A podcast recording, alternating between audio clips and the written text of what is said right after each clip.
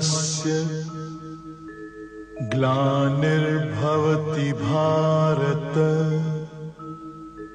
अभ्युत्थानम् अधर्मस्य तदात्मानं सृजाम्यहम् परित्राणाय साधूनाम् विनाशाय च दुष्कृता धर्म संस्थापनार्थाय संभवामि युगे युगे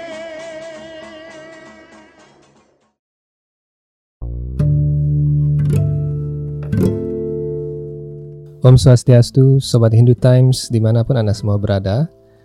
Semoga Anda selalu tetap sehat atas lindungan Tuhan Yang Maha Kuasa. dalam episode ke-20 ini, podcast Hindu Times Channel uh, memiliki topik yang unik, yaitu salah satu netizen bertanya tentang gerhana bulan dan gerhana matahari. Ya, kenapa gerhana bulan itu berbeda penjelasannya menurut Weda dan menurut sains? Kalau menurut Weda itu ada Rahu katanya, raksasa Rahu gitu. Kalau di Bali kalau Rahu gitu. Tapi dalam sains modern eh, ternyata itu adalah bayangan bumi dan bayangan bulan seperti itu.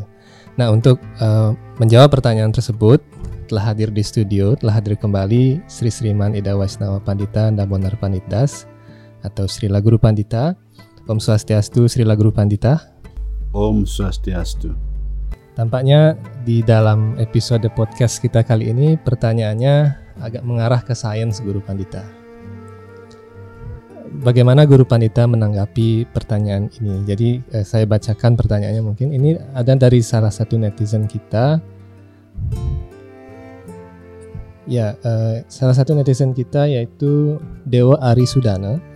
Pertanyaannya cukup panjang sebenarnya, cuman intinya adalah beliau beliau menanyakan tentang gerhana bulan dan gerhana matahari. Kalau di sains itu disebutkan itu adalah karena peredaran bulan dan ada bayangan bulan yang menutupi matahari. Kemudian ketika gerhana bulan terjadi, bayangan bumi menutupi bulan seperti itu. Namun di dalam kisah-kisah sejarah Purana di dalam beda sendiri dikatakan bahwa itu adalah uh, iblis atau raksasa Rahu. Jadi ini kelihatannya tidak berhubungan dengan kenyataan yang ada dalam sains. Bagaimana uh, Guru Pandita memberikan tanggapan dan memberikan uh, hubungan antara kedua kenyataan ini, Guru Pandita? Ya baik, itu pertanyaannya sederhana saja sebenarnya. Jadi jawabannya juga tidak begitu sulit sebenarnya menjawab. Kita harus memahami sebenarnya alam semesta ini ada karena ada tenaga Tuhan. Ada tenaga rohani, ada tenaga duniawi. Tenaga duniawi khusus untuk mengatur duniawi ini, apa yang kita lihat, tenaga rohani khusus untuk kegiatan yang rohani bersifat keagamaan rohani. Karena itu ada sistemnya dalam Weda itu dijelaskan pratyakse pramana, anumana pramana, dan sabda pramana. Itu pelajaran kita waktu SD itu. Suruh ngapalin itu nanti. Pratyaksa artinya kita melihat langsung, ingin membuktikan langsung. Orang ada seperti itu. Kemudian kalau anumana pramana ya dia menebak-nebak. Sedangkan sabda pramana kita mempercayai penjelasan kitab suci. Sekarang mm, kalau kita lihat kebenarannya bahwa sains itu benar juga. Ada ilmu sains itu adalah benar juga karena dia membuktikan langsung seperti itu memang demikian adanya. Kemudian sabda pramana juga benar. Nah karena itu sekarang cara pandang sekarang yang berbeda. Kalau pratyaksa pramana itu melihat berdasarkan indria mata indria ini. Sedangkan sabda pramana hubungan dengan Tuhan itu melihat dengan mata roh yang didasarkan atas iman atau serada.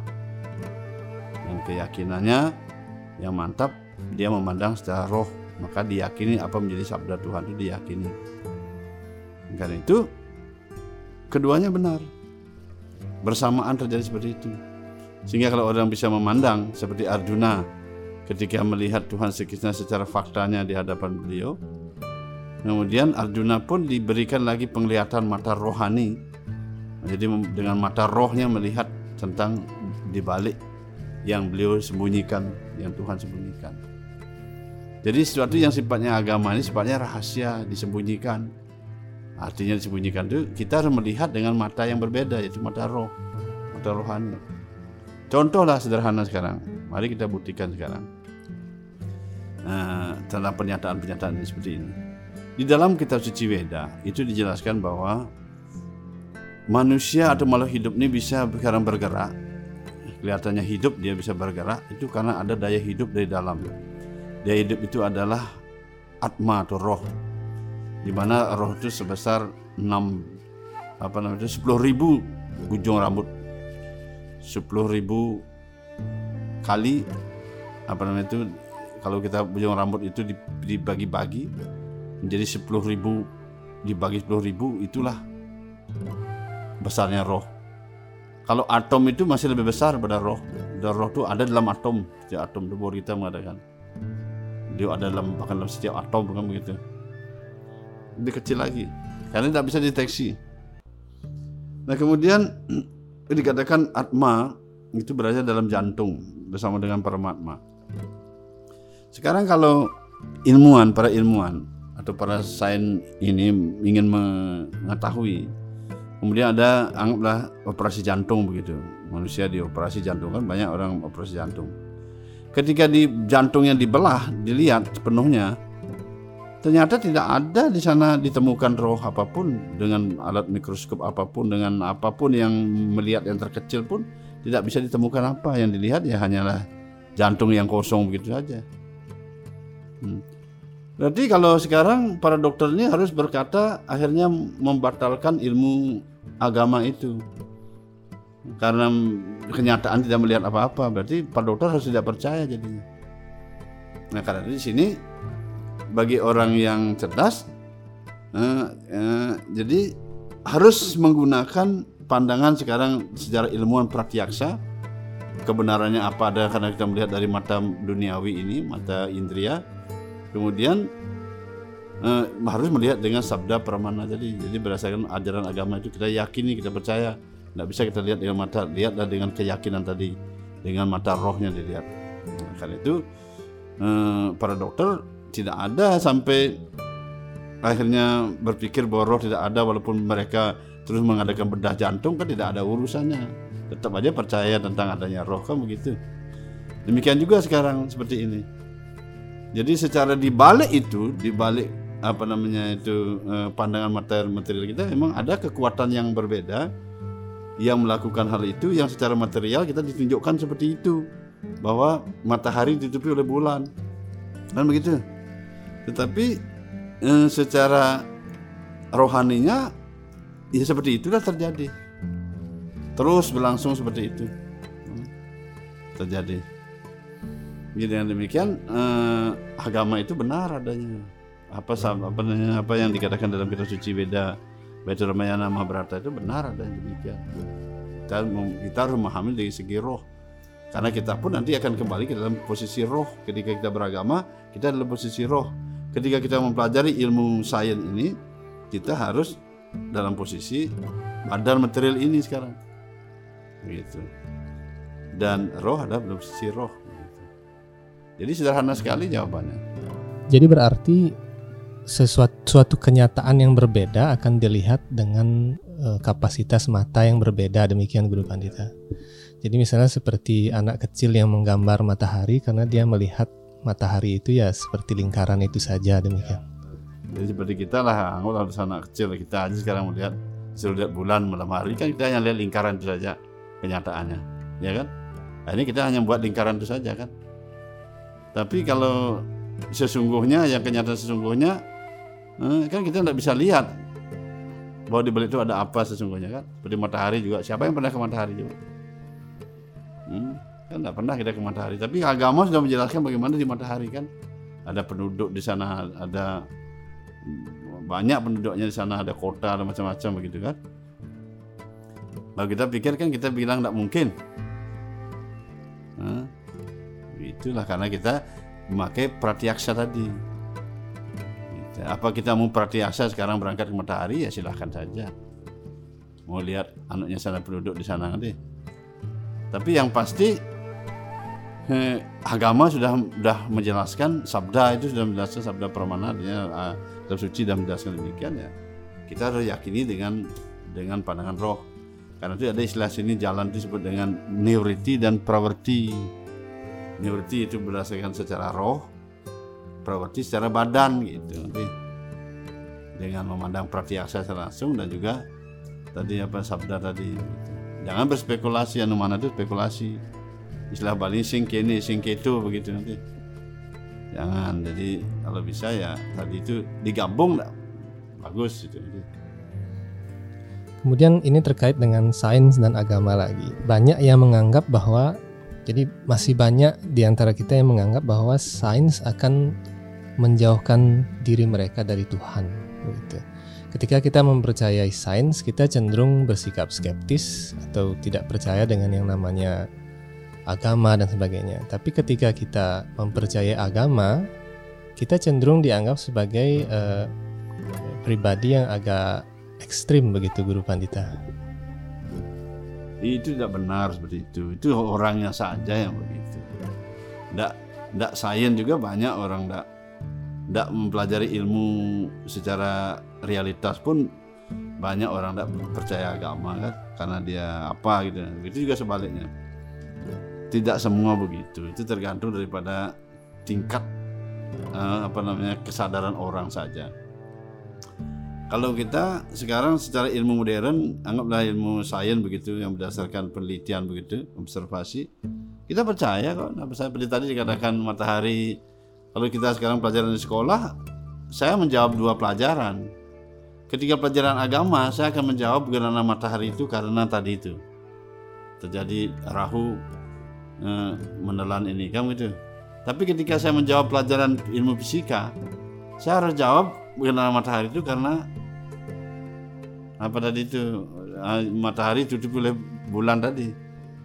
Jadi jangan pelajaran agamanya nanti dipakai menjawab ke pelajaran fisika jelas guru fisikanya kan menyalahkan kita. Nah gitu. Sebaliknya juga begitu. Bagaimana menurut kamu melihat matahari? Misalnya di agama terus kita jawab dengan seperti tadi ya jelas disalahkan juga karena itu sesungguhnya kita menggabungkan kedua itu kedua ilmu itu jadi pratyaksa kita juga mempercayai, sabda kita percayai. Baik-baik aja, semuanya bagus. Karena memang badan ini juga seperti itu. Badan ini ada badan yang kita lihat sekarang ini, badan kasar. Ada badan yang kita nggak lihat tadi. Yaitu berupa roh tadi itu. Ya, yang tidak bisa kita lihat. Kita yakin, kita yakini ada atma kan kita yakin. Nah, tapi kalau kita setengah mati pun tidak percaya juga ya silahkan aja itu hak kita saja. Tapi yang pasti akan ada kata-kata dalam hati dan dalam hati kecil tentang sesuatu di balik itu. Seperti Tuhan sekarang anggaplah begitu. Kita nggak pernah melihat Tuhan. Anggaplah kita sekarang mau pergi sembahyang. Mari kita buktikan sekarang Tuhan. Sekarang misalnya kita ke sembahyang, misalnya kita tempat sembahyang yang mana lah. Pasti yang kita temukan yang kita temukan ya pasti hanya orang suci yang tinggal di sana dengan bangunannya. Tidak pernah kita lihat Tuhan. Sejak praktiasi kita tidak pernah melihat Tuhan, ya kan? Nah, tetapi apakah kita sekarang harus praktiasi dipakai untuk terus eh, apa itu memfonis eh, situasi seperti itu? Kita punya sabda pramana, kita punya pengertian tentang niwriti marga artinya jalan rohani. Ditempuh dengan cara mempercayai memiliki keyakinan kepada agama menjelaskan bahwa di tempat suci eh, di sanalah Tuhan dipuja. Berarti Tuhan ada di tempat suci. Yang itu ya walaupun beliau ada di mana-mana tapi saya menemui akan menjumpai beliau di tempat suci kan begitu. Jadi dengan demikian semuanya kan harus ada kan Mana sekarang kita beragama tidak ada pakai tempat fisik sekarang? Buktinya sekarang orang bangun tempat suci itu orang tukangnya yang kerja kok. Tukang yang kerja. Tapi setelah itu kan kita sucikan. Coba kita sekarang katakan sederhana saja. Hmm, sekarang studio apa namanya itu sekarang tempat suci sembahyang tempat sembahyang kita tempat suci ya kan kemudian eh, anggaplah pura begitu misalnya atau mandir atau apa misalnya gitu. Eh, kemudian kita ada lagi tempat gor lapangan sepak bola sana.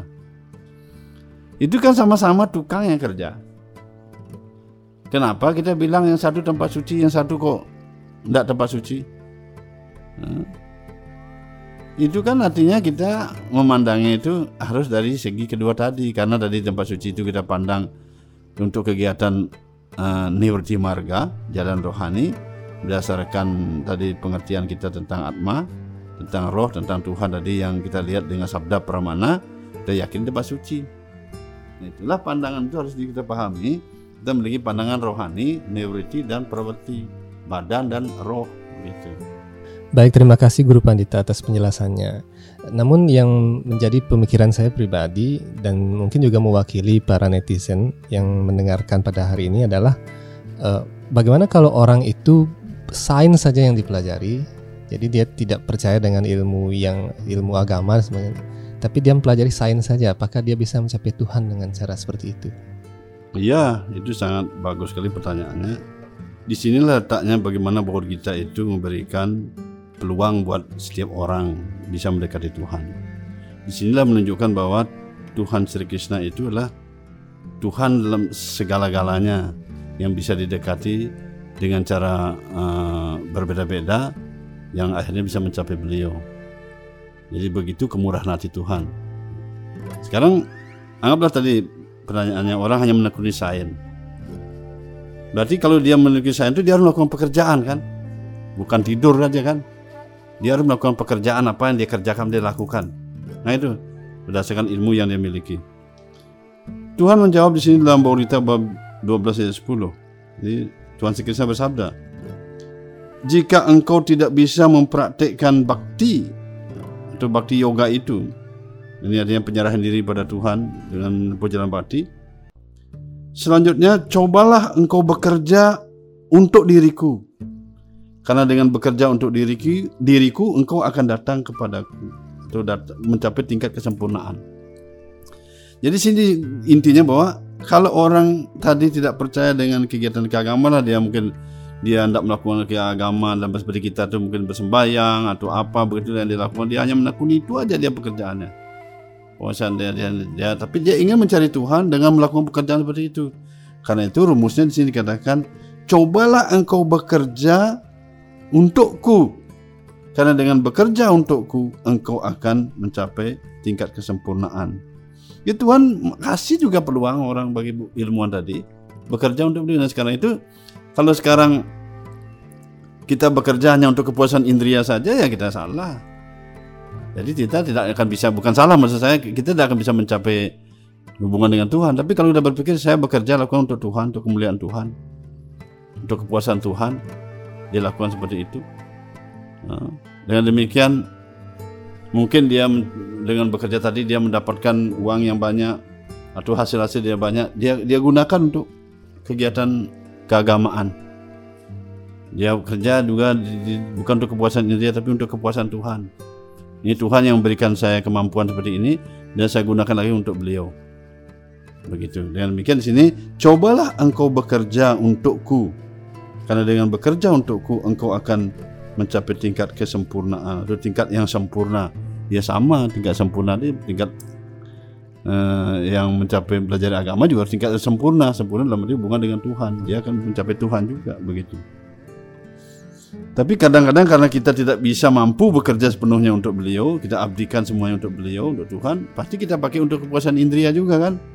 Karena itulah kita harus beragama sembahyang juga dan lain sebagainya kita lakukan sehingga untuk mengimbangi tadi itu begitu.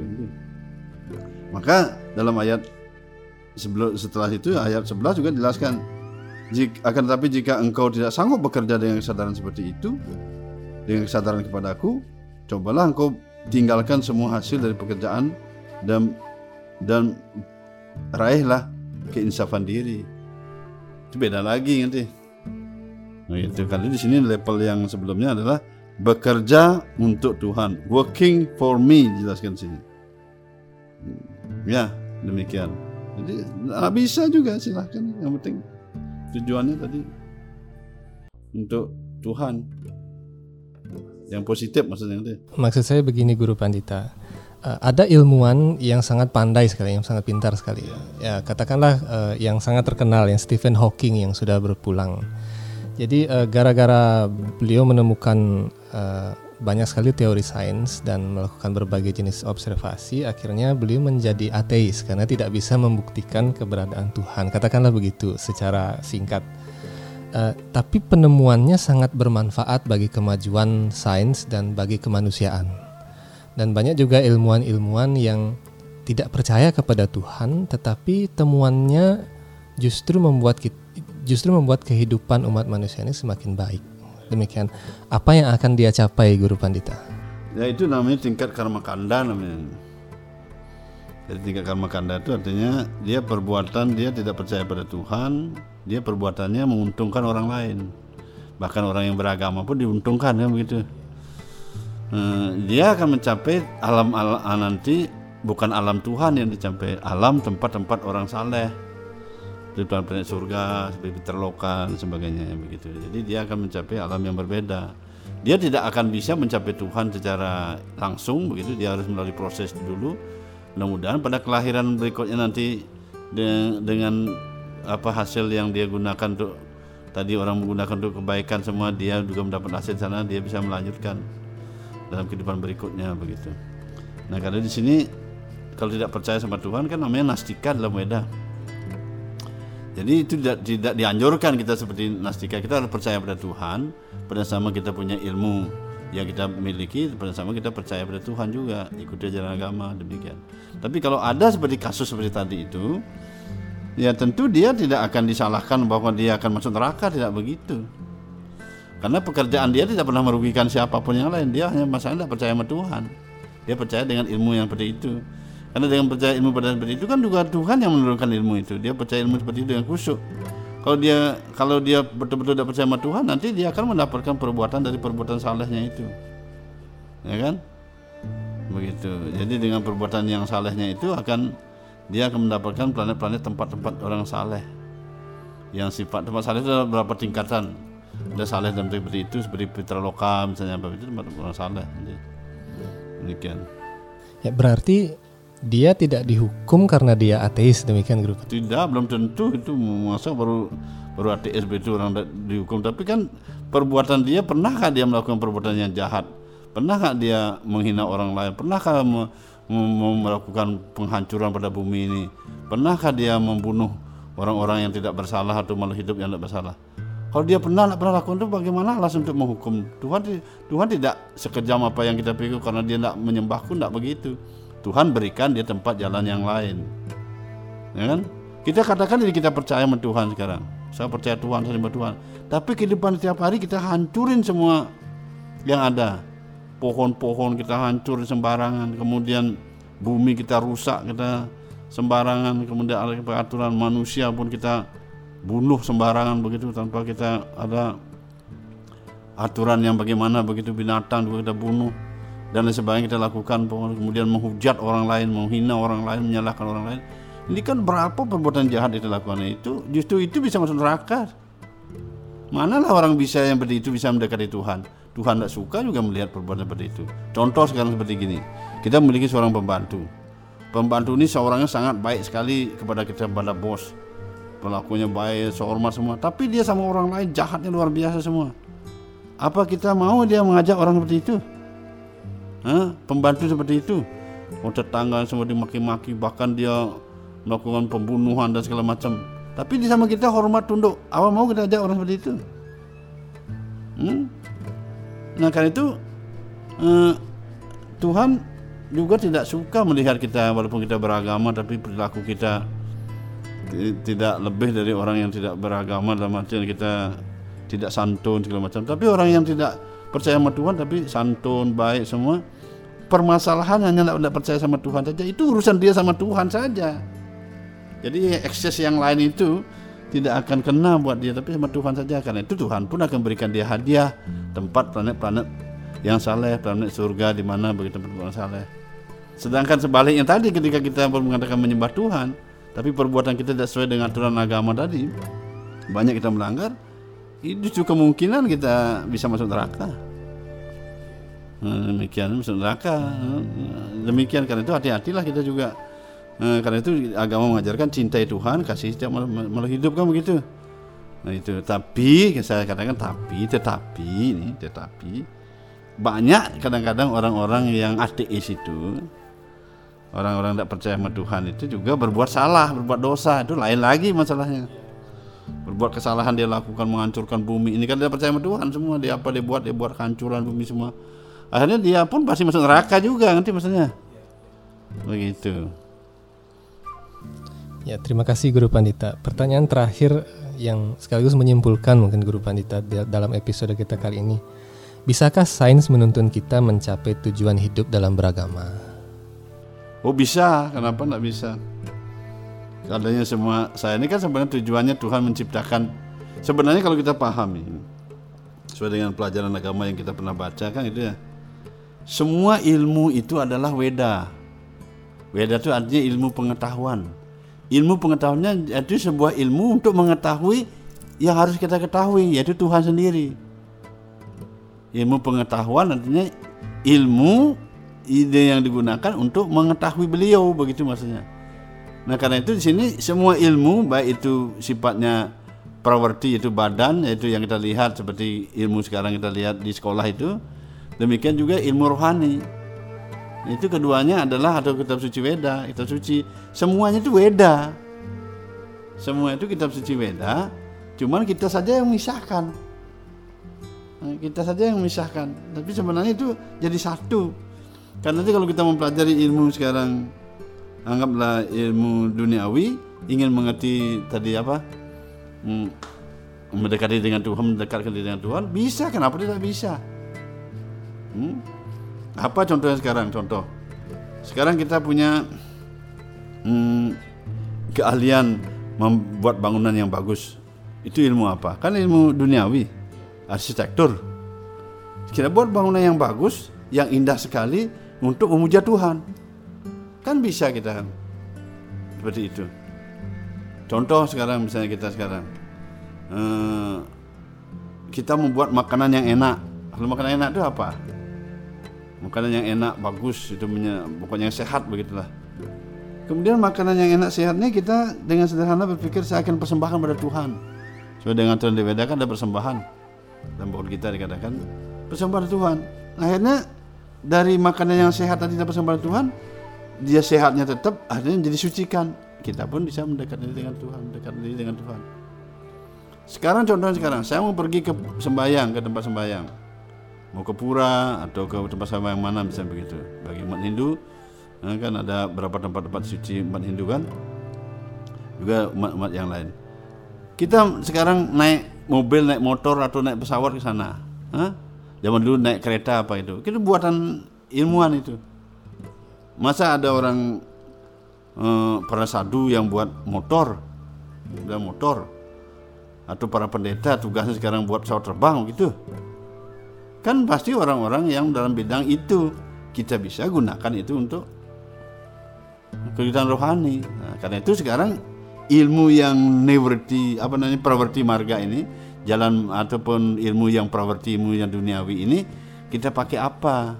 Kalau kita pakai untuk mendukung yang neverti bagus, tapi kalau mendukung yang duniawi misalnya indria untuk kepuasan indria ya lain arahnya gitu. Kalau yang rohani berarti ke Tuhan arahnya. Misalnya contoh tadi, kita punya bangunan yang bagus untuk tempat suci menyembah Tuhan. Berarti kita mendekat Tuhan. Sekarang kita buat bangun bangunan yang bagus untuk pakai uh, misalnya kasino, buat judi, misalnya contoh. Iya jadi untuk urusan duniawi jadinya gitu. Tergantung kita menggunakannya. Demikian. Terima kasih banyak Guru Pandita atas penjelasan dari pertanyaan ini dan semoga saudara kita yang bertanya Dewa Arisudana juga uh, terpuaskan ya atas uh, jawaban dari Sila Guru Pandita atas pertanyaannya. Uh, terima kasih juga sudah bertanya baik Sobat Hindu Times di mana pun Anda berada. Demikian episode 20 kali ini. Kita bertemu lagi di episode selanjutnya dengan pertanyaan-pertanyaan yang berbeda seputar Hindu. Semoga dengan podcast ini kita semua menjadi lebih bersemangat lagi sebagai umat Hindu dan juga semakin tekun dengan serada kita masing-masing. Saya berserta seluruh kerabat kerja undur diri. Sampai jumpa di episode selanjutnya. Om Santi Santi Santi Om.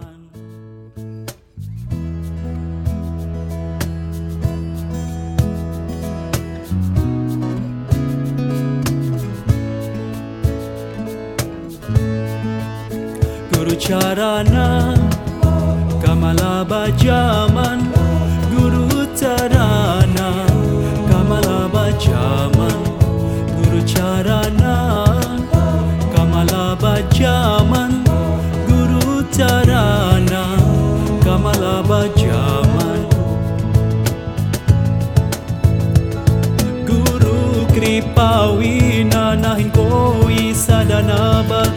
bajaman bajaan